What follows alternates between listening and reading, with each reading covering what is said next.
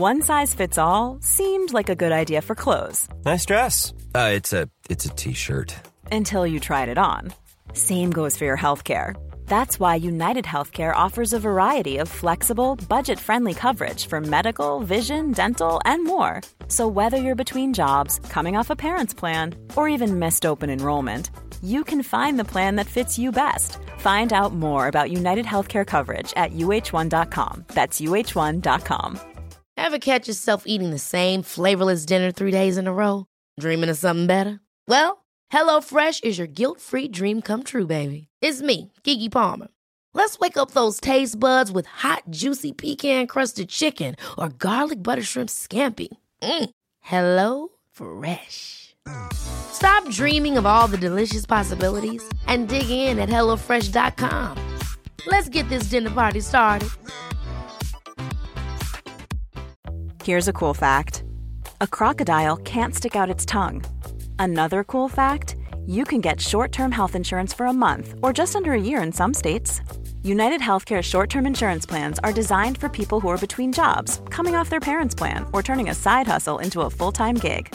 Underwritten by Golden Rule Insurance Company, they offer flexible, budget friendly coverage with access to a nationwide network of doctors and hospitals. Get more cool facts about United Healthcare short term plans at uh1.com.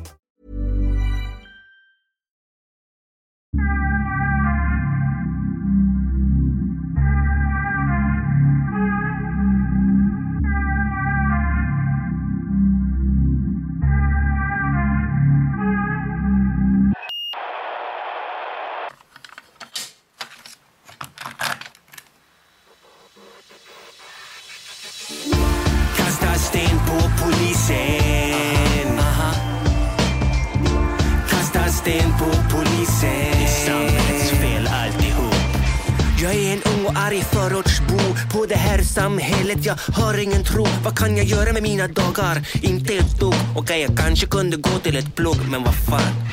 Har inget jobb och det gör mig arg och så. I och för sig, jag är bara 14 år, men ändå. Och häromdagen funkar inte parabolens vi har satt. Jag tänkte, nu blir det fucking hämnd i natt. Jag tänker, kasta sten på polisen.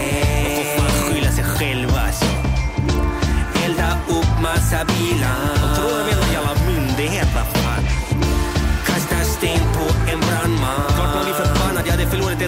Den här dagen också. Kasta sten på ambulansen. Det är samhällets fel alltihop. Vad hände med solidariteten på orten? Min granne vägrar köra mig till gallerian. Han skyller på jag hade eldat upp hans bil. Men vad fan, tycker ändå det är dålig stil. Brottslighet är aldrig individens fel. Det är samhällets, det sa de i en debattpanel. I och för sig, man får gratis utbildning till vad man vill. Men alltså orka plugga och jobba och hjälpa till. Jag tänker, sten på polisen. Det? Varmt välkommen. Tack. Vad roligt att ha med dig. Jag, jag har ju följt det genom åren. Jaså? Ja.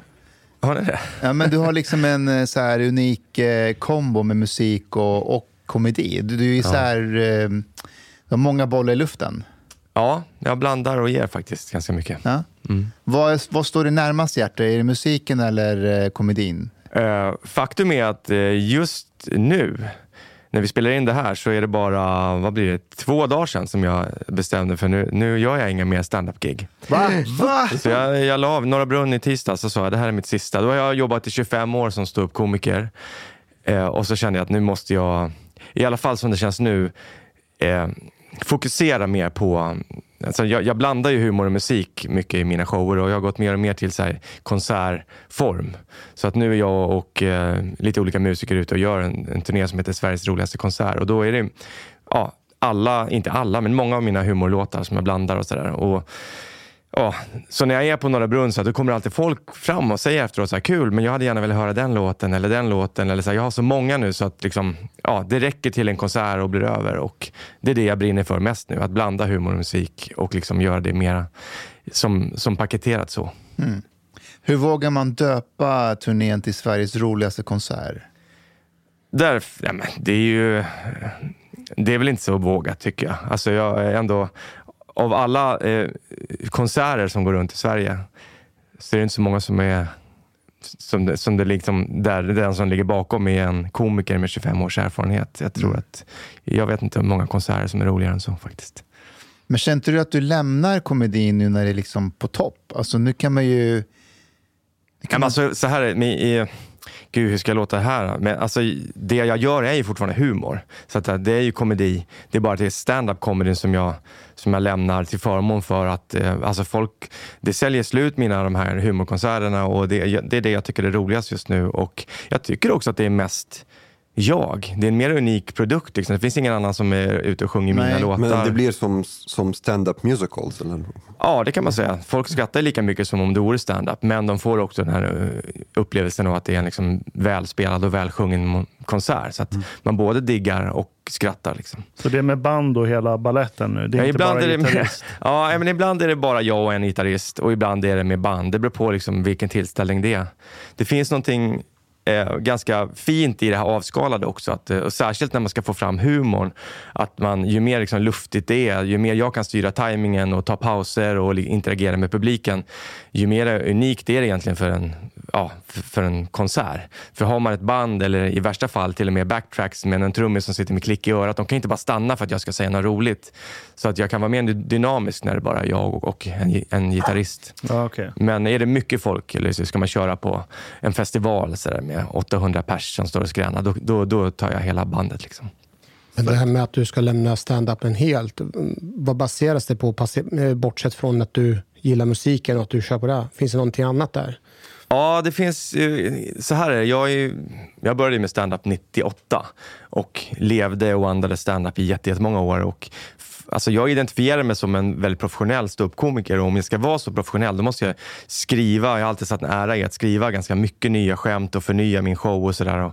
Det gör jag fortfarande då, så jag brukar åka bort varje år i januari och skriva. Sen så ska man hem och boka in sig på klubbarna i januari, februari och, och liksom, liksom trimma in det här materialet. Det tar jättemycket tid och energi och sen i och med att jag gör nästan, alltså jag gör supermycket såna här eh, konserter nu så är det att jag gör allt det jobbet för att bara göra några stand-up-gig.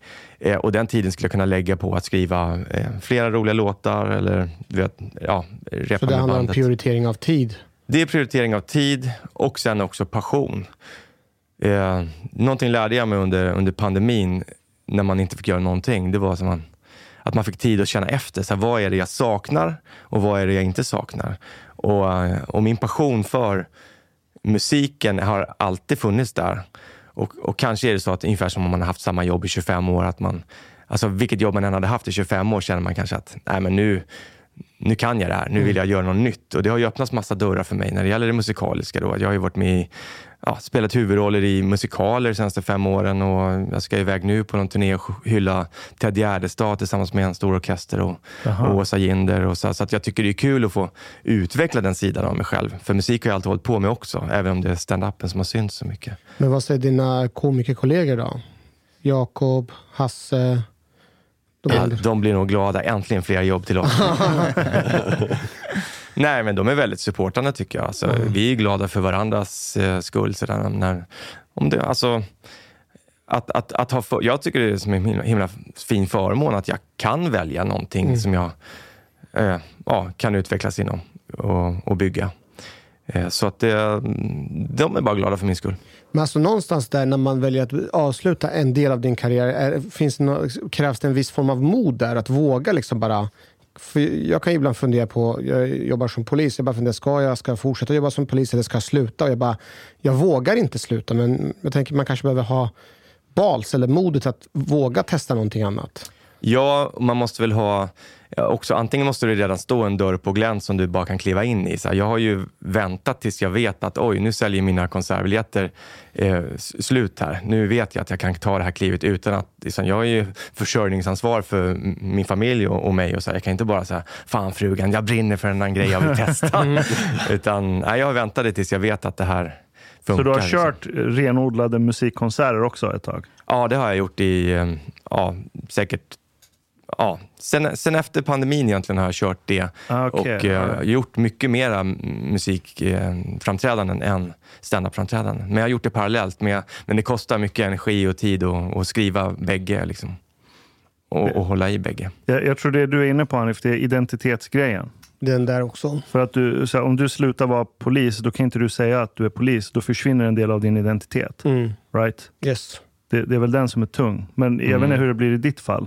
Nej, men jag håller- ser mig som komiker eh, ändå. Alltså, de här konserterna är ju humorkonserter, det är bara humorlåtar. Liksom. Sen att jag ibland hoppar in i en musikal eller gör den här Ted Gärdestad-grejen, det är ja, okej, jag är sångare också, men, det, men jag är fortfarande en komiker. Kommer du från den världen? Alltså växte upp med så här teaterskola och teaterfamilj? Och...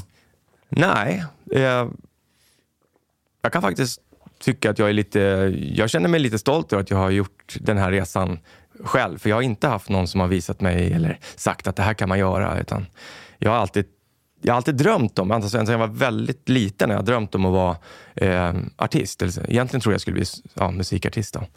Eh, men så har jag alltid liksom drivs av att få folk att skratta. Det är det bästa jag vet när folk skrattar åt det jag säger. Jag tycker det är så himla fin känsla ända sedan jag var barn.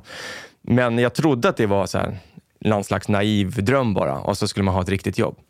Men sen så råkade jag hal- halka in på stand-up och insåg att vänta nu, kan man, kan man ha det här som jobb? Liksom? Så, så blev det bara att, ja, och så började jag tänka att ja, men då kan man nog jobba med Eh, ja, då började jag plugga musik också. Och, så att jag har liksom haft parallella spår, stand-up och musik hela tiden. När du började 98, minns du hur det var? Om det var högt i tak, vågade man testa alla skämt och liksom, det var, tog publiken Mm. emot det med öppna armar?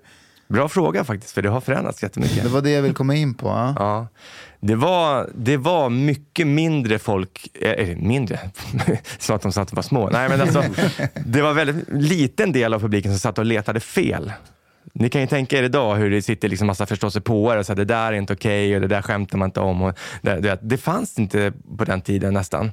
Och om det fanns så fanns det inte sociala medier så att det kunde liksom, ja, så att det var... Det var förlåt, jag måste bara avbryta dig. Menar du på allvar att personer som går upp på stand-up för att försöka hitta fel och säga det där var inte okej? Nej, det- jag skojar inte, det är så. och jag håller ju inte tillbaka. Alltså det, och det är ju, ja, vad man säga, när man är har... inte det skitbra material just där och då? Om någon skulle säga hej, det där är inte okej, så här, håll käften. Ja, men det händer sällan att de säger det där och då, men sen så, så här, det, det är roligt. Jag, jag har uppträtt många gånger på Raw Comedy på Ja. Hilton-slussen där och då, då brukar Mårten som har det, han brukar ringa mig sen på måndagen eller tisdagen och bara “Tjena, hur var det i lördags?” Och jag, då vet jag redan vad som ska hända. Jag, jag bara, jo, men det var bra, så här. det var en skitbra kväll. Så här, ja. Nej, för jag har fått ett mail. Då är det, då är det liksom, ja, senast var det någon som, jag hade en mailadress där det var at sodertorn. Alltså det var någon Ja, som, du vet, great. Det är klart. Södertörn-människa som tyckte att det var fruktansvärt det jag hade sagt. Liksom. Fruktansvärt! Vad sa du då? Ja, Ja, jag, Roliga saker. jag sa roliga saker. Har du eh, skämtat om precis. asiater? Nej, men det har, jag, det har jag gjort många gånger, men jag skämtar ju om allt. Och, och, det ska jag säga också, jag är inte så, så att jag har någon agenda så att jag måste ha 100% av min show ska retas och provocera och, och vara på en känsligt. Men, men det är alltid ingredienser som är så här, det här är ett känsligt ämne, då vill jag prata om det. För då bränner det ju till. Liksom. Ehm, men den gången tror jag att jag hade skämtat om skolskjutningar. Eh, och, eh, eh, men alltså, ja, det, det är som att vissa blir blinda för vad säger jag om skolskjutningar. De säger bara, han skämtar om skolskjutningar. Då tror de att jag, vadå, är jag för det? Eller tycker jag, tycker, tar jag inte det på allvar? Eller så här. Och så, då är det ändå på raw comedy. Så att, ja, men så är varför det. det. använde hen sin, nu säger jag hen för det är från Södertörn, men varför använde hen sin Södertörn-mail? Är det Ja, för, men jag att tror visa, För att markera? ja, för att visa någon sorts maktdominans? Ja, kanske. Men, eh, men då 98, då Ja. var det ju faktiskt eh, väldigt högt i tak. Och kanske skulle jag vilja säga nästan lite sådär onödigt högt i tak. För, för det finns ju någon, eh, jag ska inte säga onödigt högt i tak, men och, så länge publiken skrattar så tycker jag att det är ett bevis för att det här tas, uppfattas som ett skämt. Liksom. Eh, eh, jag tycker inte att det behövs finnas en, någon slags kamratuppfostran bland komiker och säga att det där är inte okej. Eller sen, vadå, så länge publiken skrattar så tror jag att det är okej. Eh, men det var ändå, jag tyckte att det, det var några år där, jag vet inte om ni kommer ihåg 98, då var det ju faktiskt fortfarande inte Alltså nu, Pride hade inte kommit så, så långt, hela den rörelsen. Och det, var, det var fortfarande vet jag, komiker som skämtade. Liksom så här, är ni två ihop eller? För att det satt två killar där. Och så skrattade folk åt det. Och det tycker jag alltid var så här, det här är jävligt sunkigt. Liksom. Skrattar ni åt att de eventuellt skulle vara bögar? Det, det är ju inte kul i sig. Man kan hitta på roliga skämt om bögar om man vill. Liksom. Men man, det ska inte Vem vara tar kul. vem liksom? Ja, men, typ, nej, ja, men det är inte kul heller. Nej, men, Men jag menar, det måste ju finnas... på den. Det roliga ska inte vara så att någon har en annan sexuell Nej, läggning. nej, liksom. Och det kommer jag ihåg att jag sa till någon kollega redan så här runt 2000. Så här, vet du om att det du skrattar åt det folk skrattar åt nu, det är ju liksom fördomar som att alla tycker att det är helt sjukt att två stycken skulle vara bögar. Liksom så här. Mm. Och han bara, ja fan det har, okej, det har du rätt i. Så, här. så att det, det var liksom kanske, lite, kanske ändå lite onödigt högt i tak där runt ja, 98, Fanns 99, 2000. slängde i brunnen då. Jag Ja. försöker få en bild av vart vi var. Det, det jag, tror jag, jag var med sista säsongen, 99 tror jag. Sen, sen lade det ner. Det var ett stort program på SVT. Nu har det ju funnits på SVT Play sen i liksom Ja. lite mindre Ja, ja. format. Sådär. Eh, men det men- måste väl varit i Nile City-vevan där va? ja, det, ja, det var ungefär samtidigt. Där. Ja. Men när, men när var det liksom eh, där det började, från att, gå högt, för att vara högt i tak, bli mer liksom, lite uppfostrande och, och så, ja, men nu får vi tänka på vilka krafter det här inte ska gynna. Och, Ja, det började nog redan för eh, 10-15 år sedan, eh, tror jag. Och att folk börjar... Eh, alltså jag skulle säga att det har varit väldigt ensidigt sådär att, att folk vågar fortfarande skämta liksom åt ett håll, alltid sådär. Eh, men att de inte vågar skämta åt ett annat håll, om ni fattar vad jag menar. Så att det, det är lite fint att, jag tror det var redan för, ja, vad ska man säga, redan för 15-10 år sedan så var det ju fint att driva då till exempel med nya högervindarna som kom sådär. Eh, vilket då var, då kanske det känns lite, nästan lite kul och fräscht. Men sen har folk gjort det så länge så att jag tycker det är svintråkigt att skämta liksom åt det hållet. Det som är känsligt idag, det är ju om man skulle skämta om, det som ni satt och chitchattade om när jag kom hit nu, om man skulle skäm- skämta om koranbränningar eller alltså någonting som verkligen så här, oh, man känner hur det, bara, det blir kallt i rummet när man nämner det. Liksom. I, nu i, i helgen och i tisdags var jag på Norra Brunn och skämtade jag lite om eh, ja, skjutningarna med gängen och, och så vidare. Så där. Och man känner så här, folk, det, det blir helt tyst ett tag för de vet inte vart det här är på väg och de är så rädda att skratta åt fel sak eller skratta åt, men det är där som spänningarna ligger idag. Vad, vad var din ingång på gängskjutningarna? Ish. Ja, Hey, I'm Ryan Reynolds. Recently, I asked Mint Mobile's legal team if big wireless companies are allowed to raise prices due to inflation. They said yes. And then when I asked if raising prices technically violates those onerous two year contracts, they said, What the f are you talking about, you insane Hollywood ass? F- So to recap, we're cutting the price of Mint Unlimited from $30 a month to just $15 a month. Give it a try at mintmobile.com slash switch. $45 upfront for three months plus taxes and fees. Promo for new customers for limited time. Unlimited more than 40 gigabytes per month. Slows. Full terms at mintmobile.com. Ever catch yourself eating the same flavorless dinner three days in a row? Dreaming of something better? Well, HelloFresh is your guilt free dream come true, baby. It's me, Gigi Palmer. Let's wake up those taste buds with hot, juicy pecan crusted chicken or garlic butter shrimp scampi. Mm. Hello Fresh. Stop dreaming of all the delicious possibilities and dig in at HelloFresh.com. Let's get this dinner party started.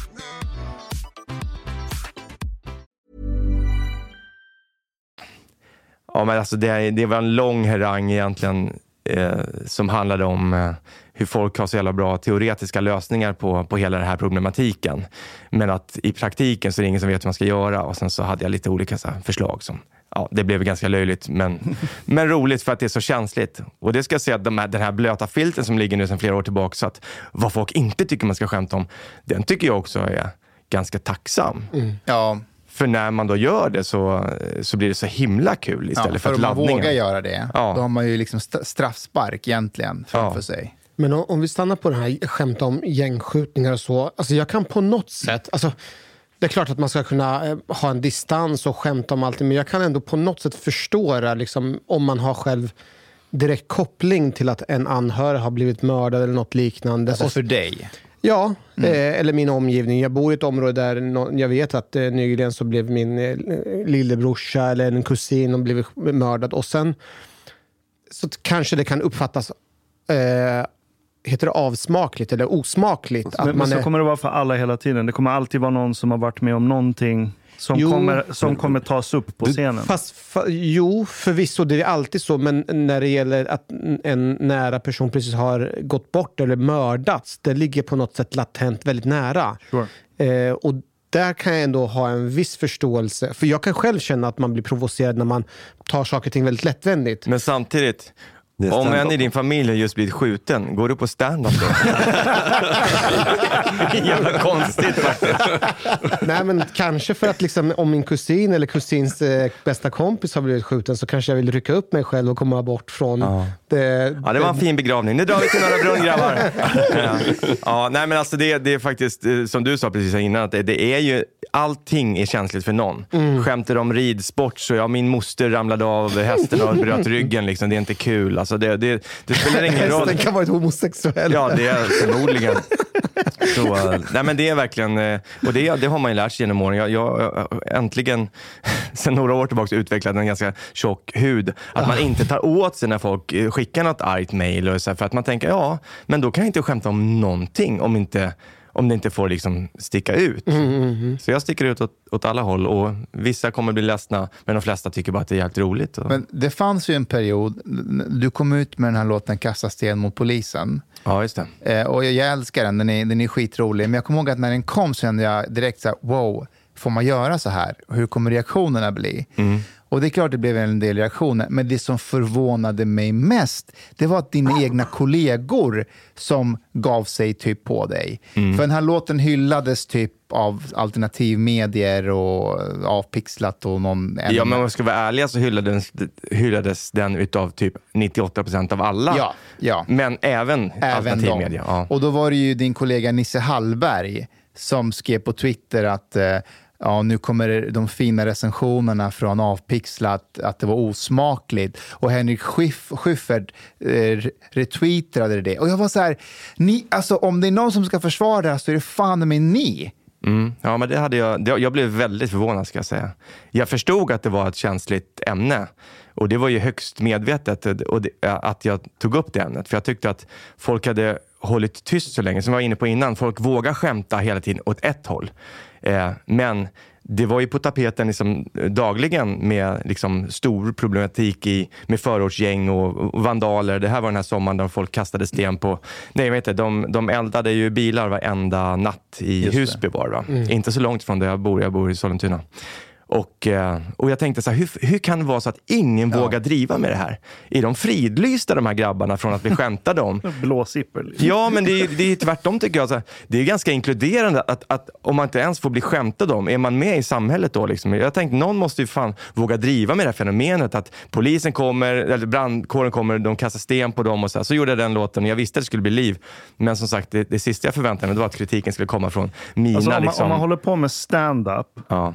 Och sen går man på någon annan som håller på med stand-up för att den har valt ett ämne som kanske inte man ska välja enligt den. Ja. Då håller du fan inte på med stand-up. Fast Då- är inte det här, eh, att det här att ge sig på varandras kollegor, så här, är det inte är väldigt förekommande i alla branscher? Jag vet, jag, det var ganska nytt tycker jag i alla fall. Eh, upplevde jag i Eller min vad- bransch. Vi har varit en ganska, så här, du vet, vi är en liten bransch. Också en extremt så här, psykiskt krävande grej att kliva upp på en scen och, och dra massa skämt och liksom hitta på grejer och säga dem. Och om ingen garvar är det ju fruktansvärt förnedrande. Liksom, så att folk har varit väldigt supportive tycker jag i vår lilla grupp. Eh, men eh, det har väl blivit ganska eh, delat och jag upplever det som att det där var bara så här godhetssignalering. Det här du Ja. vet att ja, men vi måste visa och ta avstånd. Vad, vad gynnar det här för krafter? Och sådana där grejer. Och jag tycker det bara, som sagt, jag skiter i det. Jag gör min grej och de flesta, den där låten den blev ju superpopulär just kanske för att det var som du sa, att vänta nu, är det någon som, som vågar göra så här nu? Så här, det blev ganska spektakulärt. Just det. Man kan väl säga att det du gör egentligen är du håller på med ett jättestort integrationsprojekt. Där en del personer har blivit exkluderade från samhället och du tar ditt samhällsansvar och inkluderar dem. Vare sig det är kasta förorter. precis, det är det som är grejen också. Tack, tack. Men det är också en sån här ventilsgrej. Alltså att om alla hela tiden känner att det här får man inte liksom lyfta för att det gynnar dem, då blir det som en sån här tryckkokare. Enda sättet att komma runt det, det är att skratta åt eländet. Och det var ju det du gjorde och ja, jag, jag var helt så här... vad tror du är anledningen att du bara, ah, men fan det här måste jag skämta om och att dina kollegor, de andra reagerar på ett helt annat sätt? Varför har det blivit så? Eh, jag, alltså, alltså jag kan ju bara säga varför jag gjorde det. Det var ju precis som du säger. Det här, det här är liksom, det ligger en stor blöt filt över ett ämne som måste få skrattas åt eller drivas med. Eh, jag gjorde ju sen en uppföljare också några år senare som är där min karaktär Lillbråk då rappar en låt som heter Kriminellel. eh, där han rap, det var ju i samband med att Yasin och alla liksom åkte dit för så grova brott. Och, och jag stör mig ganska mycket på att de här eh, rapparna får så hög status och hyllas av både P3 och alla möjliga liksom när de är så sjukt dåliga förebilder på, för, för ungdomar. Mm. Då gjorde jag en, en, en låt som rappade om hur jävla kriminell Lill-Bråk är. Men mellan raderna fattar man vilken, vilken tönt han är. Liksom. För att hans kriminella grejer är mer att han så här, lämnar in boken för sent biblioteket blinkar inte i rondeller och såna grejer. Han tycker han är svintung. Eh, men men då, då började de veva igen de här liksom, eh, godhetssignalerare komikerna på, på Twitter, kommer jag ihåg. Och, och då tänkte jag bara, så här, ni orkar inte ens bry mig. Liksom, Nej, att, eh, nej. Eh, Jag, jag tror att det är som sagt, jag, jag tror att de tänker att Åh, vi gör en så himla viktig insats nu för, som håller de onda krafterna stång, borta och stången. det är ju inte bara, kritiken är ju inte bara åt de här eh, ungdomarna som håller på att br- bränna bilar. Så att kritiken, så som jag läser, eller som i dina texter, det är ju också mot eh, diskursen. Eh, Ja, ja. Eh, att, att det är synd, att det, allting är samhällets fel. Att de har egentligen fått massor med förutsättningar men de lyckas inte. Så det, ju, det finns ju en mångfacetation i, i din... Ja, herregud. Det, det är inte så att jag driver egentligen med eh, en, en socialgrupp tre eller alltså försöker säga åh du är dummare. Jag, som du säger, hela låten handlar ju om hur man pratar om ämnet. Just. Eh, att... Eh, Du säger ju i en eh, textrad att eh, det är samhällets fel, jag hörde det i en paneldebatt eller något sånt där. ja, säger ja, precis. Ja. Det, det, fast jag säger debattpanel, annars rimmar det inte. Ja, det det var, exakt, exakt. exakt. Ja, precis. Eh, jo, men precis. Eh, det är väl lite grann det eh, som, som den låten handlar om. Hur det diskuteras eh, i jag, fun- medier. jag funderar på också, alltså, det är ju många som är med i den här eh, debatten kring integration. Det är många som diskuterar och försöker driva olika eh, opinionsyttringar och så. Samtidigt så har vi ju eh, som är komiker som är med och också driver och diskuterar Eh, vad tror, du att de här, vad tror du det får för konsekvenser på stor sikt när det är fler som kan vara med och driva och skämta om de här frågorna? Från att det har varit tabu till att vi, det är helt legitimt att prata om det. Jag tror att det är jätte... Alltså, som du nämnde innan, den här tryckkokaren. Alltså, ju mer det får läcka, den här liksom frustrerade känslan eller att man, man får skratta åt alltihopa. Det, det tror jag bara det öppnar upp hela debattklimatet egentligen. Och jag, det var faktiskt lite av det som jag gjorde att jag det var inte helt bekvämt att släppa den här låten för sju år sedan. För då, jag kommer ihåg, det var ju långt innan ens eh, debattörer hade vågat peka på problemen. Liksom. De hade ju, det, alla var ju så här, oh, elefanten i rummet. Den, jag, liksom, jag tänkte att om inte jag ens som komiker vågar skoja om det här, hur fan ska någon våga ens skriva en krönika eller, eller vad som helst. Så det, jag kände att jag var rätt tidig där, men jag tycker egentligen var jag sen. Men jag hade hållit den där låten hade legat i min låda hemma i ett, ett par år. Liksom. Men jag kände att jag, liksom, man kände så här, nej, nu, fan, nu är det dags. Nu släpper jag den där. Men nu har det, gått, det var sju år sedan du släppte den och ja, det har hunnit hända en del med debatten. Nu Mm. tycker ju alla mer eller mindre likadant i de här frågorna. Men i, på komediscenen tycker inte jag att jag ser några större förändringar. Förutom typ, okay, Fredrik Andersson. Ja, i som- synnerhet. Verkligen. Ja, Ja. Men, men det är han. Mm. Hur många andra... Eh, ja, jag, jag skulle säga att jag är... Jag gör det. När jag, nu la jag av mig i tisdags. Du gjorde? men, jag, men jag gör det fortfarande i musikform och, eh, och jag kommer släppa lite klipp. Men jag är inte lika duktig som Fredrik på att släppa ut grejerna på nätet. Utan jag, jag kör mina grejer live. Liksom.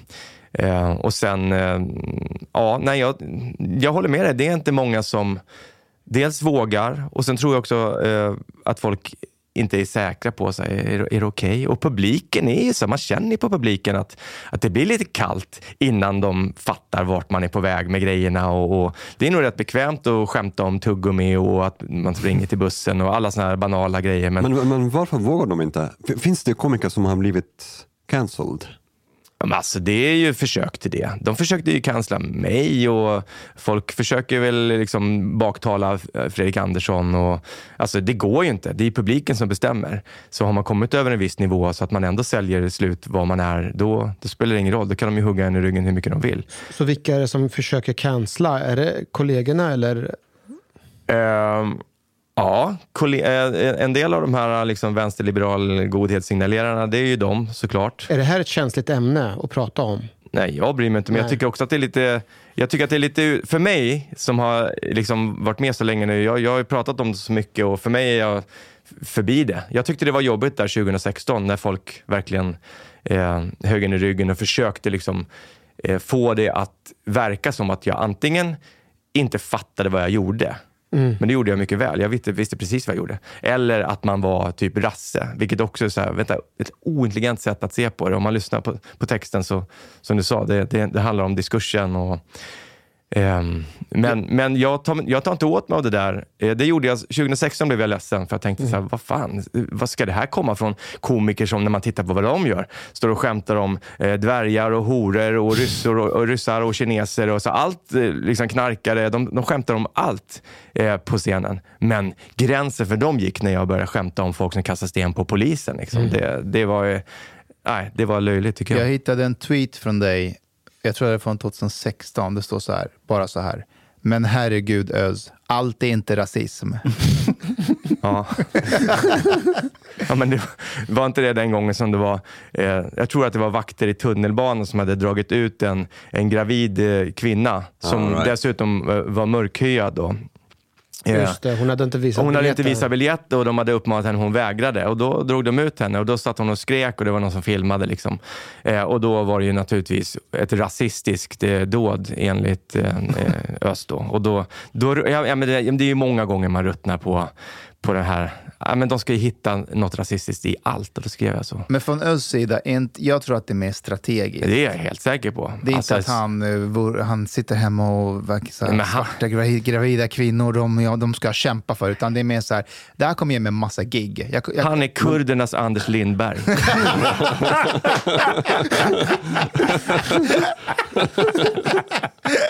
Jag tror de vet vad de gör, liksom. men så om man lägger ihop allt de har skrivit, så det här- ni kan ju inte tro på det här själva. Liksom. Nej. Ja, nej, det var... ehm, eh, ja, sen är han ute och liksom far, Men visst är han väldigt trevlig privat, eller hur, Öz? Ja. Det är Anders Lindberg också. Ja, ja, jag hörde när han var här. Jag satt ju Det var ju ingen, inga osämja. Nej. Men det var inte lätt att avbryta honom heller. Men nej, det var ju, han var ju skicklig på... Han var ju fan mästare på det han gjorde. Jag har stort respekt för honom. Fan vad han är grym. Man blir ju inte liksom Alltså, riktigt, han- ledarsidans eh, chefredaktör eh, om man är så här kass. Alltså han vet ju vad han gör. Ja, men det är det jag menar. De vet vad de gör, men jag, jag tror att det är liksom...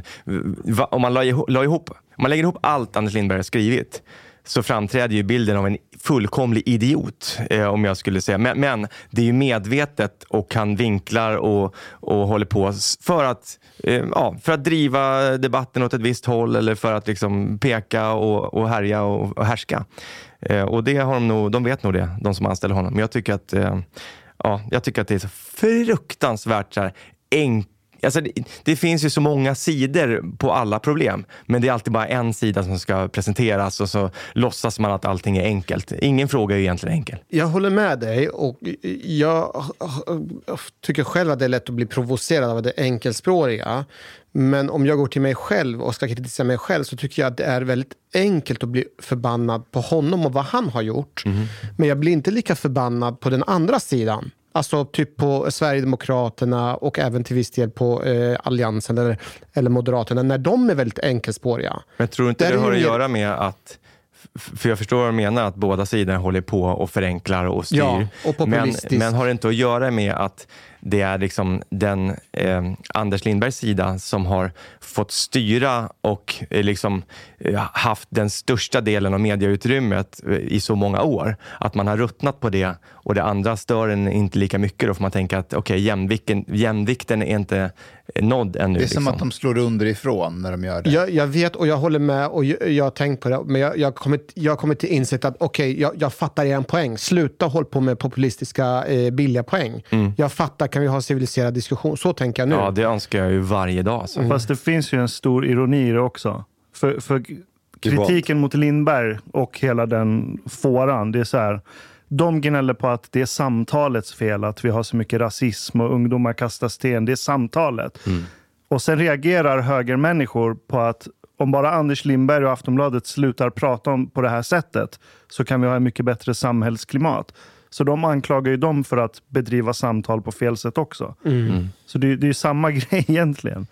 Jag, vet- jag vet inte, är inte det uppenbart? Eh, ja, men jag vet inte, jag, jag tror att de, eh, de blir upprörda mer på att han förvränger verkligheten än på tonen.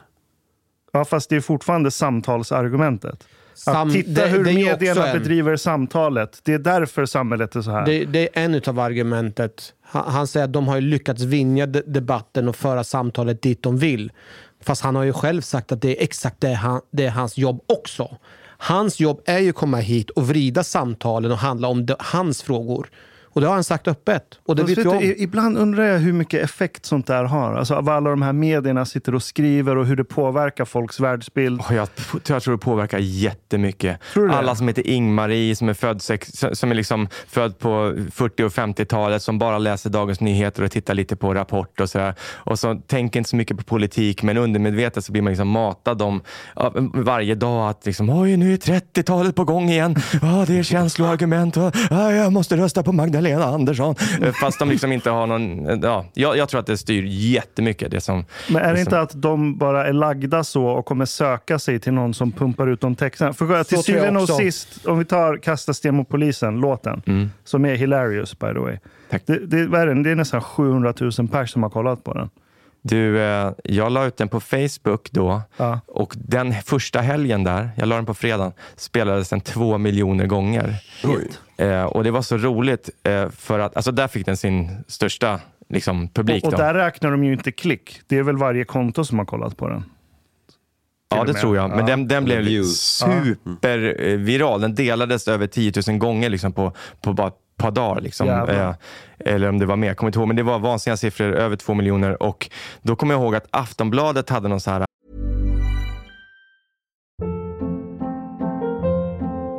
Hold up. What was that? Boring. No flavor. That was as bad as those leftovers you ate all week. Kiki Palmer here, and it's time to say hello to something fresh and guilt-free. Hello Fresh. Jazz up dinner with pecan-crusted chicken or garlic butter shrimp scampi. Now that's music to my mouth. Hello Fresh. Let's get this dinner party started. Discover all the delicious possibilities at hellofresh.com. Imagine the softest sheets you've ever felt. Now imagine them getting even softer over time. That's what you'll feel with Bowl and Branch's organic cotton sheets. In a recent customer survey, 96% replied that Bowl and Branch sheets get softer with every wash. Start getting your best night's sleep in these sheets that get softer and softer for years to come. Try their sheets with a 30-night guarantee. Plus, get 15% off your first order at bowlandbranch.com. Code BUTTERY. Exclusions apply. See site for details. Hi, I'm Daniel, founder of Pretty Litter. Did you know cats tend to hide symptoms of sickness and pain? I learned this the hard way after losing my cat, Gingy. So I created Pretty Litter, a health monitoring litter that helps detect early signs of illness by changing colors, saving you money and potentially your cat's life. Pretty Litter is veterinarian developed, and it's the easiest way to keep tabs on your fur baby's health right at home. Go to prettylitter.com and use code ACAST for 20% off your first order and a free cat toy. Terms and conditions apply. See site for details. Uh, eh, varje, ja, i slutet på veckan så här, veckans virala. och då var någon så här, då visade de upp ett klipp som hade haft 30 000 views. Så då, och jag bara så här, undrar varför de inte spelade upp Kasta sten, tänkte jag. Ja, det var inte så konstigt kanske. Jag tänker också, e- en sak som man gör när man eh, förvränger verkligheten, det är att man berövar ju de personerna som lever i misären. Att deras röst blir ju inte hörd. Och det tycker jag är det största eh, sveket. Det kan jag köpa. Och det är väl typ en socialdemokratisk gren skulle jag säga. Även på 2010 när vi träffade många av de här ledande företrädarna, ministrarna, eh, så ville de inte känna sig av den verklighetsbeskrivningen med just eh, stenkastningen mot oss eller bilbränderna och de, de angrepp som skedde mot oss. De ville ju inte liksom på något sätt erkänna att det var mm, stora samhällsproblem. Och Men det ville vi inte, det ville inte högern heller. Alltså Moderaterna var ju också jätterädda under Reinfeldt-tiden.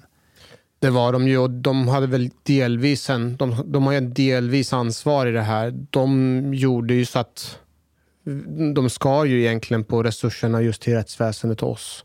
Vi fick ju inte fler, efter att de tillträdde så ökar man ju inte an antalet poliser bland annat. Och vi hade jättelåga löner. Det var ju faktiskt deras fel. Thomas, du har sagt att du är en väldigt allvarlig person privat. Ja, jag är nog både och. Jag absolut har ett stort allvar i, i mig. Men jag är också jävligt tramsig. Ja, men alltså, eh, är det för att, för att jag läste någon text med dig där du... Tror folk oftast att man är så komiker, att man är sån i verkligheten också? Att man är larvig och tramsig och... Jag tror det är väldigt olika. En del har nog den förväntningen att man, att man är liksom en spjuver hela tiden. Men de flesta fattar. Alltså jag tycker... Ja, nu säger jag kanske emot mig själv, för jag, det finns ett citat som jag tycker väldigt mycket om av Stickan Andersson, han som skrev texter till ABBA bland annat. Va? Eller när han, när han var manager åt dem. Han hade ett citat som är “Folk är inte dumma, de är dummare”. Mm. det, det tycker jag är ett väldigt fint citat. Man, man ska aldrig underskatta folkets dumhet, men jag tycker också man ska inte eh, underskatta mångas intelligens. Jag tycker jag är jätte jag tycker jättemycket om min publik och, och de flesta är ju jävligt smarta. Liksom. De fattar allt man menar. De läser in grejer mellan raderna och, och sen även kommer de fram efter shower och konserter och snackar om man tänker så här, wow, vi tänker lika. Liksom. Men, men sen är det ju någon som kommer fram ibland och så pratar Och sen så här, du är inte alls likadan nu som när du var på scenen. Man säger, Nej, men jag jobbade ju då. Liksom. Jag, jag, måste ha en energi när jag står på scenen som räcker ut till flera hundra och, och jag kan inte stå och prata med en person bara “Tjena! Hur är läget?” och, och sådär. Eh, men de flesta fattar ju det. Men jag har märkt av, av det jag sett av dina shower att du verkar ha en rätt så hängiven publik. Alltså de vet vad de går till. Ja, och extra mycket nu med de här konserterna. För då är det ju ofta folk som har lyssnat på låtarna kanske i, i, i flera år och mm. vissa har festat mycket till mina låtar och de, det blir ju, ja, det, det, vet man själv om man går till och kollar på en artist och så bara äntligen får vi höra de här låtarna live. Eh, det, är ju, det är ju en härlig känsla bara det. Men sen då när det handlar när det kommer in humordimensionen också så blir det, det blir väldigt speciellt faktiskt. Eh, det är det som gör att jag kanske tycker det är roligare att Alltså en, jag tycker det är skitkul att komma ner till en standupklubb också, men då kanske många har gått för att nu ska vi se standup. Spelar inte så stor roll kanske att det är just jag. Det kanske hade kunnat varit någon annan komiker. Men till mina konserter kommer ju bara fans. Precis. Och tror du att det är musiken som gör att du har fått de här lojala fansen? För du erbjuder ja. något extra liksom. Ja, jag, jag, tror att det är musiken. Men jag tror också, eh, sen jag la ut eh, den här Bra mycket sämre-showen, eh, som är ganska tittad på på, um, på Youtube och sådär. Då har en del fattat för där har jag ju några skämt som också är sådär, oj, vågar han skämta om det här? Alltså folk som är trötta på den här tillrättalagda humorn som, som man får se på TV4 och SVT för det mesta. Eller, eller många komiker skämtar om ofarliga saker. Folk är rätt glada att det kommer någon som vågar köra på lite. Och de blir väldigt lojala mot mig och, och Fredrik till exempel. Då, som, som är ett lysande exempel på någon som vågar sticka ut lite. Mm. Har du börjat tacka nej till tv och så nu? Eh, jag har inte gjort tv på hur länge som helst faktiskt. Ehm, jag, jag skulle tacka nej om det inte passar mig. Eh, och det är inte så mycket som passar mig, tycker jag. Det har ju hänt, ja, för att återknyta till din fråga, hur var det 98 och hur är det nu? Nu kan man ju klara sig genom att bara köra via sociala medier och Youtube och framförallt Spotify är ett jättebra verktyg för mig. Jag har ju typ 400 000 streams i månaden på folk som lyssnar på mina låtar och mina streams och, och jag behöver inte sitta i TV4 för om jag ska göra det så måste jag ju slipa ner mig och vara liksom trevlig och vanlig och Nej, det, det har jag ingen lust med. Vi träffade Sean eh, Achi ja. och han sa samma sak. Att han behöver absolut, han, han klarar sig helt och hållet på sina egna kanaler, sociala medier och så. Ja. Och har absolut inget behov av att vara med i traditionell tv. Nej. Men sen om jag, jag är en ganska lekfull person, så att om jag hade fått frågan till exempel, så här, vill du vara med i Bäst i test? Då hade jag nog tackat ja, för att jag tycker så här, ja, men det verkar ju roligt. Men eh, det är inte så att jag har något behov av att jag vill vara med i tv. Så här. Däremot när man var yngre så tyckte man att det hade varit kul att... Eh, alltså jag var uppvuxen med att så här, kolla på kanske så här, Fångarna på fortet eller Så ska det låta eller alla sådana där program. Och när man då fick frågan, vill du vara med i det här? Då sa jag ja till allt, för jag tyckte det var kul att ha, att ha varit med. Men jag har varit med i typ typ allt.